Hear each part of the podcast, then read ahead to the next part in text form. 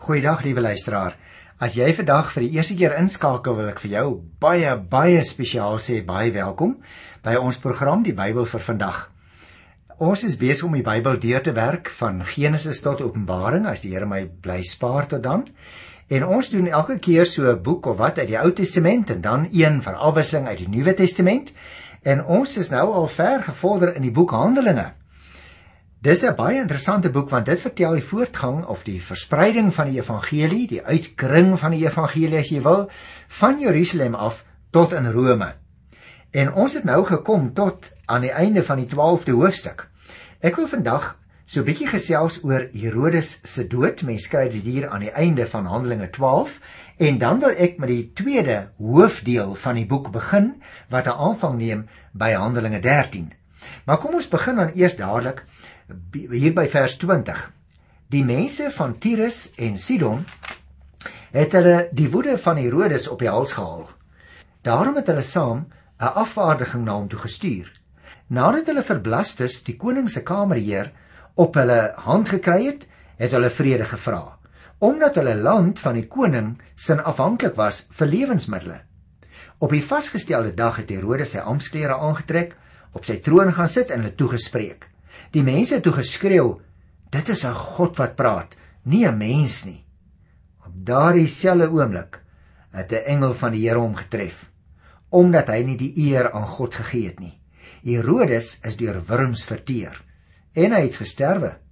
Maar die woord van God het verder versprei en veld gewen. Barnabas en Saulus het teruggekom nadat hulle hulle opdrag in Jerusalem uitgevoer het en hulle het vir Johannes wat ook Markus genoem is met hulle saamgevat. Nou liewe luisteraars, kom ons praat eers oor die historiese konteks hier. Want jy sien, die twee Fenisiese stede, Tyrus en Sidon wat hier genoem word, het 'n botsing met Herodes gehad waarin hulle aan die kortste end getrek het en omdat hy hulle lewensmiddels kon afsny. So hulle was in 'n sekere sin van hierdie Herodes Agrippa die eerste afhanklik. Die verhouding het so sleg geword dat hulle afvaardiging nie die koning self kon gaan spreek nie. Maar gelukkig slaag hulle daarin deur 'n man met die naam van Blastus, die hoof van die paleis. Die Bybel noem hom hier ook die kamerheer. Hulle kry hom so bietjie op hulle hand, né? Hulle konkel so bietjie want hulle wil graag by die koning Agrippa die eerste uitkom, maar nou moes hulle eers met sy kamerheer konkel want die want die verhoudinge tussen die twee bevolkingsgroepe of volkere eintlik was baie sleg op daai stadium. Nou lees ons dat daar 'n dag vasgestel is om vrede te sluit en dan nou met groot vertoon ontvang hierdie Herodes die afvaardiging terwyl 'n deel van die plaaslike publiek ook daar teenwoordig is. Hulle het uitgeskreeu dat Herodes 'n god is. Jy moet nou mooi oplet wat wat gebeur. Hulle aanbid hom as dit ware as 'n god. En nou laat hy hom hierdie verering welgeval. In plaas van dit soos wat Petrus gedoen het daar in die 10de hoofstuk waar Petrus dit afgewys het, die ware God te vereer. Jy sien Petrus toe die mense hom wou verhef tot koning, toe sê nee, God is die koning. Ek wil nie koning word nie. Maar hierdie Agrippa die eerste, hy laat hom hierdie eerbewyse van die van die volk, die hoi polloi daar, uh laat hy hom welgeval. En onmiddellik sê die Bybel tref 'n engel hom en hy doen die een of ander siekte op wat nie in die Bybel beskrywe is nie, maar die punt is hierdie siekte het hom laat sterwe. En dan het ons ook vers 24 en 25 gelees dat die woord van God veld gewen het as gevolg daarvan. Die prediking het dus tot baie mense gespreek en baie mense het tot geloof in die Here Jesus gekom. En dan lees ons nadat Barnabas en Saulus hulle opdrag waarvan ons gehoor het in die 11de hoofstuk by vers 13 afgehandel het daar uh wat die Here hulle opdrag gegee het, keer hulle nou terug na Antiochië toe saam met 'n man met die naam van Markus. Nou moet ons dadelik onthou, liewe luisteraars, Jerusalem was natuurlik die Jode se hoofstad. Maar Caesarea waar hierdie uh, toneel hom nou afspeel, was die Romeinse hoofstad in Palestina. Dit was 'n pragtige stad gewees. Dit was 'n baie mooi hawe daar op die Middellandse See. As jy vandag nog daar kom, dan kan jy van die ruïnes daar sien. Jy kan selfs As jy 'n duikpak aantrek en jy duik daar in die water in, dan kan jy selfs aan die oorblysels van ou hawens en ou uh, geboue daar onder die uh, water gaan bekyk. Nietemin, Herodes Agrippa het dus nou in Caesarea gewoon, soos ons uit die werke van die Joodse historikus Josephus ook kan aflei en soos wat ons in ons vorige program se laaste versie ook gelees het toe ons in vers 19 gelees het van Handelinge 12 hierna het Herodes van Judea af na Caesarea toe gegaan en daar 'n tyd gebly. So uit die buitebybelse bron van die Joodse geskiedskrywer Flavius Josephus kry ons nou inligting dat hy permanent daar gaan bly het. Wat nou gebeur hier natuurlik nou hierdie interessante ding van die verskriklike pynlike dood wat Herodes sterf. Dis vir my nogal baie interessant, liewe luisteraar, dat verskillende bekendes se dood op dieselfde manier beskryf word. Byvoorbeeld, die van Herodes die Grote en Antiochus die 4de word ook beskrywe op dieselfde manier, naamlik hoogmoed. Want jy sien, hoogmoed is 'n baie ernstige sonde En Lukas interpreteer die skielike siekte wat Herodes hier oorval het as 'n straf van God. God straf ons nie altyd in ooreenstemming met ons sonde nie, luisteraars. Maar ons moet besef dat sonde wel straf verdien. Te gelykertyd moet ons veral daarteen waak dat ons nie ernstige siekte of teëspoed sonder meer toeskryf aan sonde wat gedoen is nie. Daar kan 'n direkte verband wees, maar daar is baie selde 'n direkte verband. Verder moet ons ook in gedagte hou dat ons kan weet dat Christus die grootste sonde en sondaar kan vergewe as daar belydenis van daardie sonde plaasvind. En daarom is die 25ste vers vir ons baie interessant. Ek gaan dit weer lees. Barnabas en Saulus het teruggekom nadat hulle 'n opdrag in Jerusalem uitgevoer het en hulle het vir Johannes wat ook Markus genoem is met hulle saamgevat. Jy uh, sal miskien weet Barnabas was natuurlik Johannes Markus se oom. En Maria sy ma het dikwels die apostels in haar huis ontvang. En hy het dus baie te doen gehad met die leiers van die vroeë kerk en ook die dinge wat hulle verkondig het. Hy het ook later tussen hakies saam met Paulus en Barnabas op hulle eerste sendingreis gegaan, maar hy het toe teruggekeer huis toe nog voordat hulle werk afgehandel was. Ons weet nie eintlik regtig waarom Barnabas hulle verlaat het nie, maar ons weet wel dat hy die evangelie volgens Markus geskryf het. Ons lees ook dat Paulus later met die grootste waardering praat van sy hulp en sy bystand. En daarom, liewe luisteraars, dink ek tog is gepas dat ek voordat ek nou finaal afstap van Handelinge 12 vir jou so 'n bietjie agtergrond gee van Johannes Markus, want ons gaan hom in die volgende hoofstukke nog weer 'n paar keer teekom. 'n Mens kan natuurlik baie uh, uit jou eie foute leer en ook hulle gevolge kan soms ook pynlike lesse wees waaruit ons ook soms moet leer hoor. 'n Mens kan egter baie baie dinge wys word as jy net 'n bietjie bereid is om te wil leer. En so lyk dit vir my Johannes Markus het mettertyd en met die nodige aanmoediging ook uit sy foute geleer. Markus was naamlik gretig om die regte dinge te doen, maar dit was hom wel moeilik om met iets te volhard. Ken jy sulke mense? Dalk is jy self een van hulle. Begin soms 'n ding met baie entoesiasme, maar die ou byt nie eintlik deur om te volhard in daai ding end uit te voer nie. Ons lees byvoorbeeld in die evangelie volgens Markus van 'n jong man, nou waarskynlik is dit hy self, wat tydens Jesus se arrestasie weggevlug het en wat so bang was en so haastig was om weg te kom dat hy 'n klompie van sy klere laat agterbly het. En hierdie neiging, luisteraars om te vlug, het later weer te voorskyn gekom toe Paulus en Barnabas hom op hulle eerste sendingreis saamgeneem het. Daarom word die afleiding gemaak dit is dieselfde persoon wat die evangelie volgens Markus beskryf het. Markus het hulle ook kort na die begin van die eerste sendingreis verlaat en toe het hy teruggekeer na Jerusalem toe. Natuurlik kan ek my voorstel dit moes vir Paulus baie moeilik gewees het om sy optrede te aanvaar. Toe Barnabas 2 jaar later voorstel dat hulle weer vir Markus op hulle tweede sendingreis moet saamneem, het Paulus geweier. Nou hierdie meningsverskil het uiteindelik tot gevolg gehad dat die twee uitmekaar is. Barnabas het vir Markus met hom saamgeneem terwyl Paulus vir Silas as sy medewerker gekies het. Barnabas was geduldig met die jong man en sy geduld het uiteindelik vrugte afgewerp. Dit gebeur baie kere so, né?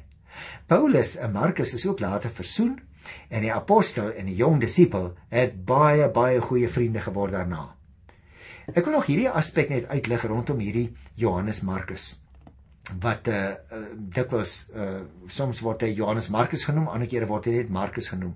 Hy het saam met 3 van die vroeë Christenleiers gewerk, naamlik Barnabas en Paulus en Petrus. Dit wil ook voorkom asof hy die meeste van die stof wat in sy evangelie saamgevat is, by Petrus gekry het.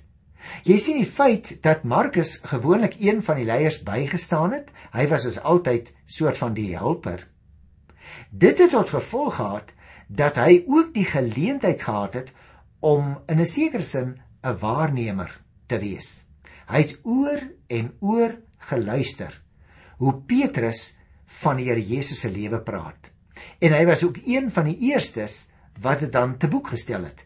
Want miskien sal jy nog onthou toe ons die evangelie volgens Markus se beskrywing behandel het, dat ek toe vir jou vertel het daardie evangelie van Markus is eintlik die eerste van die vier evangelies wat op skrif gekom het. Andersom gesê, Markus se evangelie is die oudste van die vier evangelies wat ons in die Bybel het. Barnabas het nou baie baie belangrike rol in Markus se lewe begin speel. Hy het hierdie jong man geduldig bygestaan ondanks sy aanvanklike mislukking en hom deurgaans aangemoedig. Nou liewe luisteraar, miskien moet jy en ek ook iets by Barnabas leer in hierdie verband. Want ons ken dalk ook iemand soos 'n Markus wat maklike ding begin, maar hy voer dit nie deur nie. En ons leer van Barnabas dat hy hierdie jong man bygestaan het. Nou ja goed. Kom ons gaan dan na die 13de hoofstuk van Handelinge. En ter agtergrond wil ek miskien net vir jou sê jy moet nou onthou, ons het gesê 'n mens kan die boek Handelinge indeel in twee groot gedeeltes. Die eerste gedeelte handel oor Petrus se bediening en die uh, tweede groot deel van die evangelie wat dan begin by Handelinge 13 van die eerste vers af tot aan die einde van die boek Handelinge handel oor Paulus se bediening. So die eerste helfte van die boek, ons kan net mooi in twee deel Petrus se bediening en die tweede helfte van die boek waarmee ek nou gaan begin, handel dan oor Paulus se bediening. En ek wil ook vir jou daaroor 'n bietjie agtergrond gee voordat ek die 13de hoofstuk gaan behandel, want uh, dit is in 'n sekere sin die oorgang waar ons nou te make kry dan nou met die tweede hoofdeel. Daar word verskillende uh dinge beskryf, maar ek dink wat vir ons gaan uitstaan is die drie sendingreise van Paulus. Ter inleiding wil ek net ook hierdie kort opmerking maak. Barnabas en Saulus word nou hier uitgestuur. En uh daarom die tweede helfte van die Handelinge boek uh neem hier in aanvang en nou verwissel die hoofrolle. Paulus kom nou op die voorgrond. Ons het die twee helftes uh wat ons eintlik duidelik van mekaar kon onderskei, nie omdat uh die goed teenstrydig is nie natuurlik nie, maar omdat ons met twee fasette het van die voortgang van die evangelie wat hierin beskryf word. Kom ek begin dadelik met Handelinge 13 dan, die tweede groot die hoofdeel van die boek en ek lees die eerste 3 verse vir jou. Onder die profete en leraars in die gemeente in Antiochië was Barnabas, Simeon wat ook Niger genoem word, Lucius van Cyrene, Manaan wat saam met die heerser Herodes groot geword het en Saulus. Toe hulle op 'n keer bymekaar was om die Here te dien en om te vas, het die Heilige Gees gesê: "Sonder Barnabas en Saulus vir my af om die werk te doen waarvoor ek hulle geroep het." Nadat die gemeente gevas en gebid en hulle die hande opgelê het, het die gemeente hulle laat gaan. Nou wonderlike woorde wat ons hier kry, nie waar nie watter verskeidenheid wil ek sê is daar nie in die kerk nie liewe broer en suster want hierdie vyf mense wat hier genoem word was van uiteenlopende kultuuragtergrond en die enigste ooreenkoms tussen hulle was hulle opregte geloof in die Here Jesus. Weet jy, dikwels waar daar spanninge is tussen mense, kan daardie spanninge ook as hulle uit verskillende kultuurgroepe kom, oorkom word as hulle in Jesus Christus glo. Want as ons aan hom as persoon verbind is, dan kan ons mos ook hande vat nie waar nie. En daarom mag ons ook nooit enige iemand wat deur Christus tot 'n volgeling geroep is, uitsluit of wegwys nie. Die kerk, lees ons nou hier in die 2de en die 3de vers, het vir Barnabas en Paulus toegelaat om die werk waartoe die Here se Gees hulle geroep het met volle toewyding te kan doen. Liewe luisteraar, om aan iets toegewy te wees, beteken dat 'n mens die meeste en die beste van jou aandag daaraan afstaan. En dan natuurlik moet ons nou bewus daarvan wees dat ons ook ons leraars, ons sendelinge, ons predikers, dat het, ons dit vir hulle moontlik moet maak om die werk waartoe God hulle geroep het met toewyding te kan doen. Daarbenewens kan ons ook natuurlik ons eie tyd en geld en talente aan die Here wy en in sy diens gebruik. Miskien moet jy ook 'n slaggie vir hom vra hoe en waar hy jou in sy diens wil gebruik. Al is jy selfs miskien 'n bedlêende persoon, kan jy nogtans voorbeding doen. Skakel jou leraar of pastoor en sê ek bid vir u en gee vir my ook ander mense vir wie ek kan bid of sake in die gemeente waarvoor ek kan bid. Nou is dit vir my baie opvallend dat die feit dat Barnabas en Saulus hier uitgestuur word, dit natuurlik die aanvang was van Paulus se eerste sendingreis. Die gemeente het vir Paulus en Barnabas gestuur, maar dit was God se plan. Nou kom die vraag op: Hoekom het die twee gelowiges gegaan waarheen hulle gegaan het? Hoekom het hulle 'n ander pad gegaan nie? Ons sou verskillende redes kon noem. Kom ek noem vir jou 'n paar. Nommer 1: Die Heilige Gees het hulle gelei. Tweedens: Hulle het op die bestaande paaie van die Romeinse ryk gereis, want dit was natuurlik vir hulle makliker om daar langs te beweeg. Derde rede. Hulle het die belangrikste kulturele sentra in die dorpe en die stede met die grootste bevolkings besoek sodat hulle soveel mense as moontlik kon bereik. 'n Derde interessante ding, dink ek wat ons in gedagte moet hou. Hulle gedagte met sinagoge En daar het hulle elke keer die Jode gaan toespreek met die hoop dat hulle sou glo dat Jesus die Messias is en dat hulle sou help om die goeie nuus vir al die ander mense met wie hulle in aanraking kom uh sou meedeel. Met ander woorde, liewe luisteraar, ek dink ons moet hier baie duidelik sien hoe dat die Here hierdie mense spesifiek roep en vir hulle 'n baie pertinente taak gee. Wat my nou opval, is pas nadat hulle met hulle eerste sendingreis hier begin het, kry hulle weerstand en teenstand van baie sterk kwaliteit van die bose. Ons moet egter onthou, God oorwin altyd en 'n belangrike heiden gaan in hierdie gebeure tot bekering kom. Kom ons behandel gou hierdie stukkie voordat ons program uh vir die dag uitgeloop het. Ek lees eers vers 4 of 5. So is Barnabas en Saulus dan deur die Heilige Gees uitgestuur. Hulle het na Seleukië toe gegaan, daarvandaan na Siprus toe oorgevaar en in Salamis gekom. Dit is nou op Siprus. Daar het hulle die woord van God in die Joodse sinagoges verkondig. Hulle het Johannes by hulle gehad om hulle te help.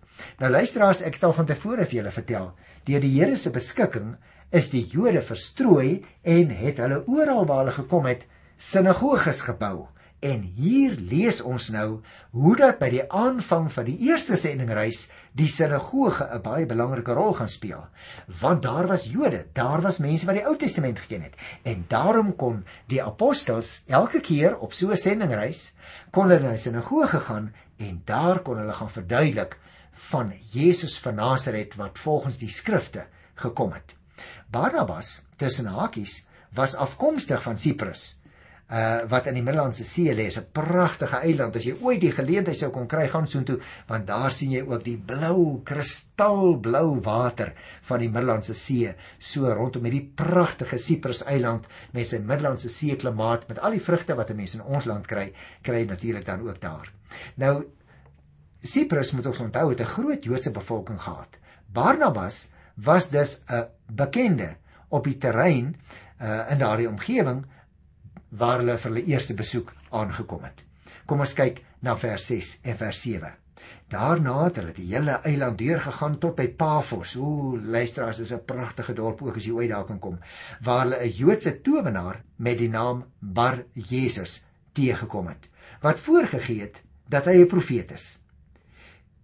Hy was by die goewerneur Sergius Paulus wat 'n verstandige man was. Die goewerneur het vir Barnabas en Saulus laat roep want hy wou graag die woord van God hoor. Kyk net wat 'n fantastiese geleentheid kry hulle hier op hierdie eiland. Ehm um, as hulle nou geroep word deur die goewerneur wat baie graag die woord van die Here wou hoor. Nou tussen hakies wil ek dadelik by sê, liewe luisteraars, goewerneurs het dikwels van towenaars gebruik gemaak in daardie tyd. Maar Jesus het besef dat hy sonder werk sou sit. As Sergius Paulus in Jesus sou glo. En daarom gaan hy nou dadelik moeilikheid maak want hy wil hê die goewerneur moet na hierdie getuienisse luister na die boodskap van Jesus Christus nie want net verloor hy self sy werk. Daarom sal jy ook opmerk net soos wat hy later verskillende kere gedoen het, gaan Saulus gou na die hoofstad toe. In hierdie geval het ek nou net gelees Paphos, daar op die eiland Cyprus. Nou Cyprus moet ons ook onthou liewe luisteraars was 'n Romeinse provinsie. En uh die goewerneur het dan in Paphos geresideer. Die insident wat nou hier vertel word, vind aan sy hof plaas. Die goewerneur het naamlik 'n soort, wat sal ons dit noem, hofteoloog. Kom ons noem hom so. Hy het 'n soort van 'n hofteoloog gehad. En hierdie man, lees ons, was 'n towenaar en hy het voorgegee sê die Bybel dat hy 'n profeet is. Hy het met ander woorde valslik beweer dat hy God se wil bekend kan maak aan mense. En Saulus hulle het in die stad begin preek en omdat die goewerneur 'n verstandige man was, wou hy graag hulle boodskap hoor, het ons gelees. Hy was blyklik nie heeltemal tevrede met sy hofteoloog nie. nou kom 'n moeilikheid vir hierdie man. Vers 8 vertel vir ons die towenaar Elimas, soos hy in Grieks genoem word, het hulle egter teëgestaan omdat hy wou verhoed dat die goewerneur in Jesus glo. Nou dis geen wonder nie, liewe luisteraar, dat Elias uh en sy ander weergawe in Grieks is Bar Jesus met ander woorde Elimas en uh Bar Jesus is dus dieselfde persoon van wie ons hier twee name kry en hy probeer nou keer dat die goewerneur Saulus se boodskap aanneem want hy kon sy werk verloor vers 19 sê maar Saulus dis is Paulus vol van die Heilige Gees het hom skerp aangekyk en gesê duiwelskind deurtrapte skelm en bedrieër, vyand van alles wat reg is, sal jy ophou om die pad van die Here te staan. Nou Paulus trap hom sommer direk uit nê. Vir die eerste keer tree Saulus hier voor Barnabas op die voorgrond. En van hier af, liewe luisteraars, het hy word hy geskilder as die groot heiden apostel. Geen wonder nie dat Lukas hom van hier af anders begin noem, naamlik op die Romeinse naam Paulus. Ek het al vir jou gesê dis dieselfde naam. Die een is die Joodse weergawe Saulus en Paulus is die Romeinse weergawe wat die Romeine baie goed verstaan het. Paulus reageer dus baie skerp teen Elimas omdat dit duidelik is dat die duiwel hom gebruik. Hy was vol bedrog en lus. Hier staan hy was 'n vyand van alles wat reg is. Dit wil sê van God se wil. En daarom lees ons in vers 11. Die Here gaan jou straf nou jy sal blind word en die son sal jy 'n tyd lank nie sien nie. Sy straf is dus dat God hom 'n tyd lank blind gaan maak. Die straf, luisteraars, was dus nie permanent nie, want hy kon hom bekeer. En daarom wil ek afsluit met vers 12. Die goewerneur was diep onder die indruk van die leer van die Here. En toe hy sien wat gebeur het, het hy gelowig geword. Nou die einde van vers 11 sê van ou Elimas onmiddellik het alles vir hom vaag en donker geword en hier lees ons nou die 12de vers hy dit is nou die goewerneur teenoor Elimas, die goewerneur hy het gelowig geword. Is dit nie wonderlik nie? Die goewerneur wat reeds getref was wat deur Paulus se boodskap tot hom gerig is, word nou deur die wonder oortuig. Die wonder wat hy sien, so toe sy hofteoloog blind word vir 'n ruk, dat dit God se boodskap is wat tot hom kom en wat hy word gelowig. Is die Here nie wonderlik wonderlik nie? Luisteraar, ek groet jou in sy naam tot volgende keer. Tot dan. Totsiens.